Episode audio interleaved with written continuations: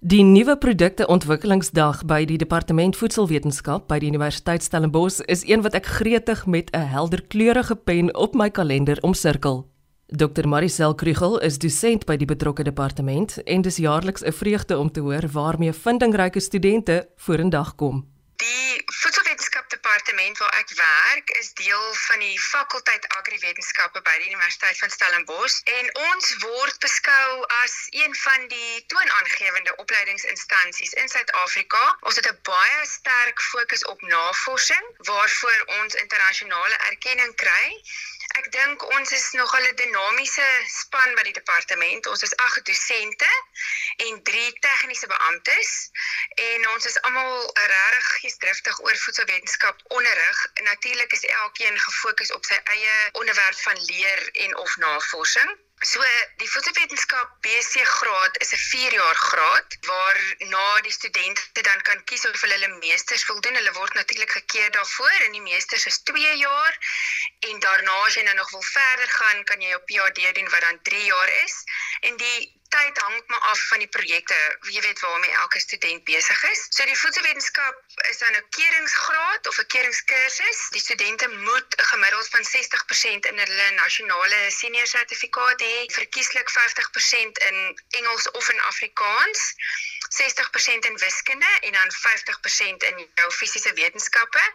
So as enige voornemende studente belangstel, kan hulle op die Agri Wetenskappe se webwerf gaan kyk onder voorgraadse programme as ek nou reg onthou en dan spesifiek gaan kyk na voedselwetenskap en dan kan hulle meer inligting rondom kry rondom die toelatingsvereistes en ook dan die beskikbaarheid van beurse.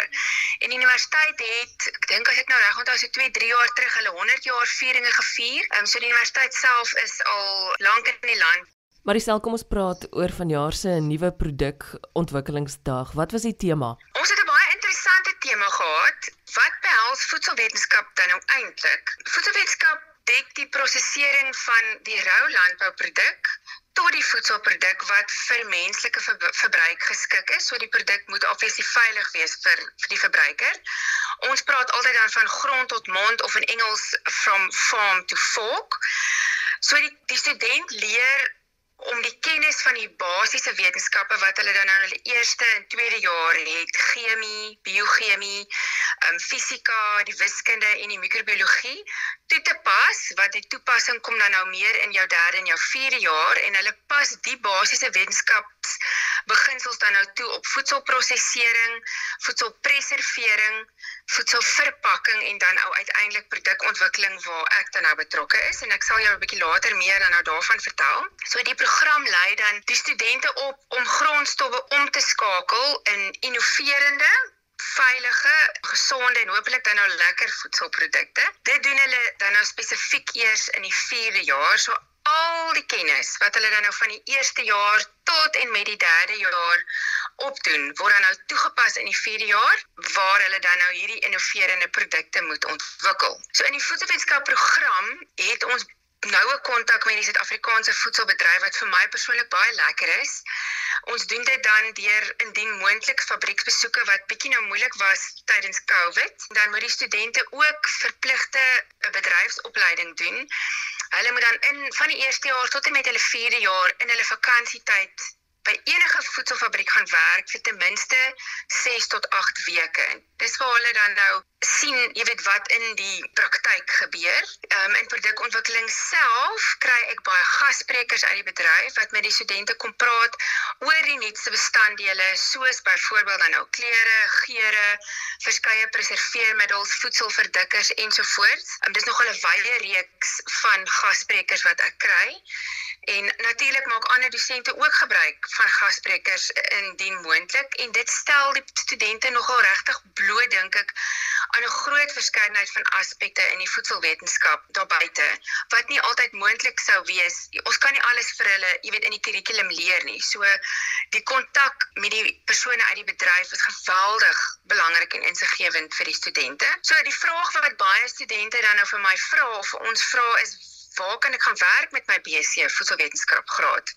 So die studente wat 'n BSc voedselwetenskap graad verwerf, kan aangestel word as 'n produkontwikkelaar of as 'n bestuurder in verskeie afdelings in 'n voedselmaatskappy soos byvoorbeeld produksie, dis nou waar die produk in 'n in die fabriek gemaak word, produkontwikkeling, gehaltebeheer, dis waar hulle dan nou kyk na kwaliteit en voedselveiligheid, navorsing en ontwikkeling en dan ook eh, in kante en ook in in die verpakkingsdeel van voedselwetenskap. Hulle kan ook dan as navorsers by tersiêre en navorsingsinstansies gaan werk of as entrepreneurs in hulle eie besigheid begin. Baie van die persone eventually dan ook as konsultante in die voedselbedryf. So ek dink die Universiteit van Stellenbosch se voedselwetenskaplik is is nogal um, is wêreldwyd gesog en al ons studente kry werk, nasionaal of dan nou internasionaal. So die nuwe produkontwikkeling is 'n baie interessante en ek dink dinamiese vak. Ons is drie dosente wat betrokke is by 'n nuwe produkontwikkeling en ek gaan van af nou NPD as NPD praat dis net makliker. En ek is dan nou die koördineerder van NPD en dis natuurlik 'n groot span poging. Dis nie net ek wat betrokke is by die vak nie. So in my vak word die studente in die begin in groepe verdeel en hulle moet die hele jaar in daai spesifieke groep saamwerk. So ek het agtergekom die studente sukkel om dit te doen en hulle ken mekaar nie al is hulle al 4 jaar saam. So ek het begin om verskeie aspekte aan te raak, soos byvoorbeeld hoe om in 'n groep saam te werk, hoe werk kommunikasie. So ons raak ook aan 'n hele paar ander sagte vaardighede wat ek dink fantasties is want dit is vaardighede wat jy nie net in NPD nodig het nie, maar ook die dag as jy uitstap en gaan werk in die bedryf. So wanneer ek klaar is met dit, dan begin die groepe eers aan hulle konsepte ontwikkel en hulle moet dan marknavorsing gaan doen. Hulle moet uitgaan en gaan praat met hulle potensiële teikenmark en hulle moet dan veral fokus om 'n probleem deur produkontwikkeling binne in die tema van wat ek elke jaar gee dan die probleem op te los vir die teikenmark. So nadat die groepe dan nou 'n spesifieke produk gekies het uit die verskeie konsepte uit dan eers gaan speel hulle in die in die kombuis of ons praat dan van die NPD laboratorium. Hulle fokus dan op die resep of die formulasie wat hulle dan rondspeel met verskillende bestanddele en hulle moet dan van die begin af natuurlik kyk na kostes en ook na die Suid-Afrikaanse koswette of die regulasies wat dit dan nou toelaat al dan nie in die spesifieke voedselproduk wat die groep dan nou besluit het om te ontwikkel. So aan die einde van die proses word daar dan intense microbiologiese toetse gedoen want die studente moet verseker dat hulle produk veilig is en hulle doen ook dan analises waar die studente moet 'n etiket saamstel soos voorgeskryf deur die etiketeringsregulasie want dis dan jou jy weet jou metode wat jy dan nou met jou verbruiker gaan kommunikeer is deur die etiket. So saam met die etiket moet hulle dan ook gepaste verpakking ontwikkel afhangende van die tipe produk, jy weet wat hulle ontwikkel het. En dan doen hulle ook dan nou sensoriese analise heel aan die einde om te bepaal of die produk wat hulle ontwikkel het praat met die potensiële teikenmark. Jy weet of hulle dan nou hulle doelwitte bereik het met die produk wat hulle ontwikkel het. En aan die einde van die jaar stel die studentegroepe dan hulle produkte bekend aan die bedryf met 'n klomp pryse wat die studente kan wen en dit is dan nou ons NPD dag soos wat jy nou ook bekend is mee. So die tema wat ons vanjaar gehad het vir die nuwe produkontwikkelingsdag dat die studente moes innoverende produkte ontwikkel met reg Suid-Afrika Afrikaanse kinkel. Marisel gee vir my 'n oorsig omtrent die nuwighede wat vanjaar daar te sien was. Ons het um, hierdie jaar 6 groepe gehad en die 6 produkte wat ontwikkel is, dink ek was regtig almal vindingryk. Ek gaan hulle nou almal kortliks opsom. Die eerste produk wat ek graag wil wil uitlig is Papacini. Dit is nou die naam van die produk. Die groep het hulle inspirasie gekry vanaf die Italiaanse produk met die naam Arancini en om 'n Suid-Afrikaanse spin te gee aan die spreekwoordelike pap en sous, het hulle dan nou papacini ontwikkel. Nou wat is papacini? Papacini is 'n gefriesde mieliemeelballetjie wat gevul was met 'n eie en 'n tomatiesmoor sous wat hulle dan bedek het met 'n broodkrummelkos. Nou die produk kan dan in die oond gebak word of in 'n ligbraaier gaar gemaak word. As jy nou regtig wil, dan kan jy dit ook in die olie diep braai, maar ek dink die meeste persone deesdae is baie gesondheidsbewus. So ek neem aan die meeste persone sal dit liefs in 'n ligbraaier die ligbraaier opsie verkies. Dit is baie hoog in omega 3 vetsure en is ook laag in cholesterol wat dit natuurlik 'n baie gesonde happie maak. Dit is ook veganisties, met ander woorde die persone wat glad nie kos van dierlike oorsprong eet nie, kan die produk gebruik en is ook vegetaries.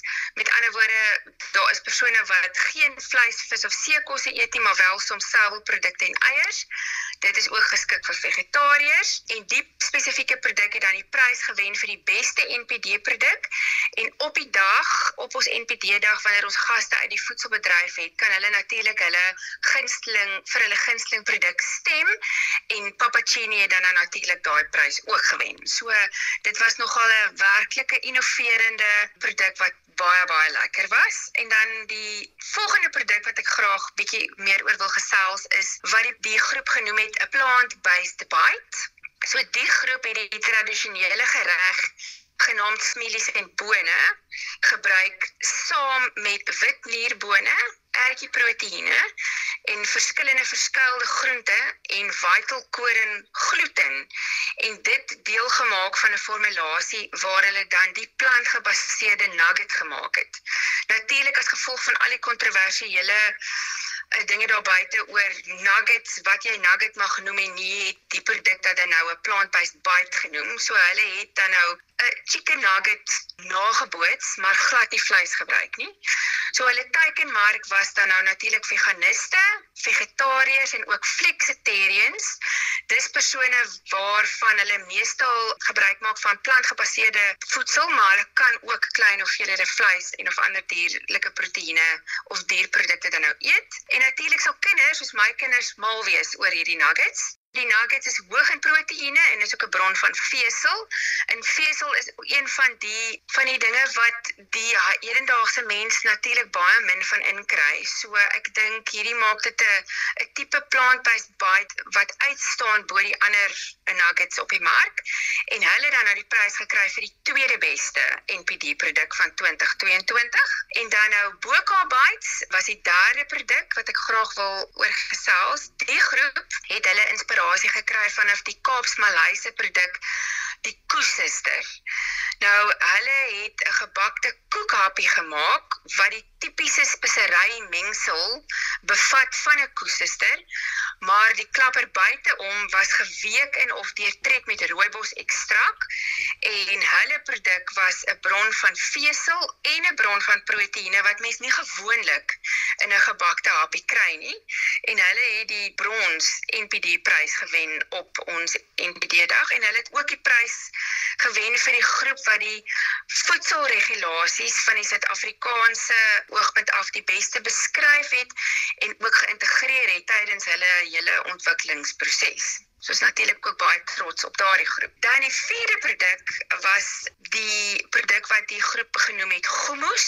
Dis 'n produk wat 'n biltonggegeurde smeer of 'n dip was wat gemaak was van kekerertjies, suikerbone en mieliemeel en hulle het die meel afkomstig van die suikerbone self vervaardig omdat hulle nie 'n uh, vervaardiger kon kry vir daardie spesifieke meel nie. So hulle het hulle inspirasie gekry vanaf die Suid-Afrikaanse stapel ook um, stampmielies en die bone gereg en die verpakking wat hulle gebruik het is kleiner as die gommies wat mens gewoonlik op die mark kry en hulle teikenmark het aangedui dat hulle gewoonlik wanneer hulle gommies koop gewoonlik dan bly daar heelwat van die produk agter en wat groot vermorsing is en ook 'n mors van geld is. So die groep het dan besluit om die verpakking kleiner te maak en dit het dan nou gemaak dat hulle die prys gewen het vir die beste verpakking en hulle teikenmark spesifiek was dan nou studente en jong werkende mense. En die vyfde produk van hierdie jaar het die studente genoem Golden Haze. Die groep het 'n gars en tapioca gebaseerde American Pale Ale bier gebrou en die bier was dan gegeur met heuningbos tee ekstrak en hulle het dan nou die prys gewen vir die beste Hasseplan en 'n Hasseplan is 'n voorkomende stelsel om voedselveiligheid te verseker. Ook met die inwerk van afvalstowwe is daar met innovasie unieke produkte geloods deur die studente wat werklik een doel voor oë gehad het en dis om 'n waardevolle bydrae te maak tot die Suid-Afrikaanse voedselketting. Dr Maricel Krugel is dosent by die Departement Voedselwetenskap by die Universiteit Stellenbosch. Dis 'n voorreg om programme soos die saam te stel en dis 'n lekkerte om met jou te kan deel dat daar 'n reeks van hulle te kry is op die webtuiste van RSG. Stories oor mense wat lief is vir landbou en wat 'n uitgelatenheid in jou siel aanwakker. Binnekort deel ons nog sulkes. Intussen wens ek jou gelukkige dae van my Eloise Pretorius. Groete, tot dan.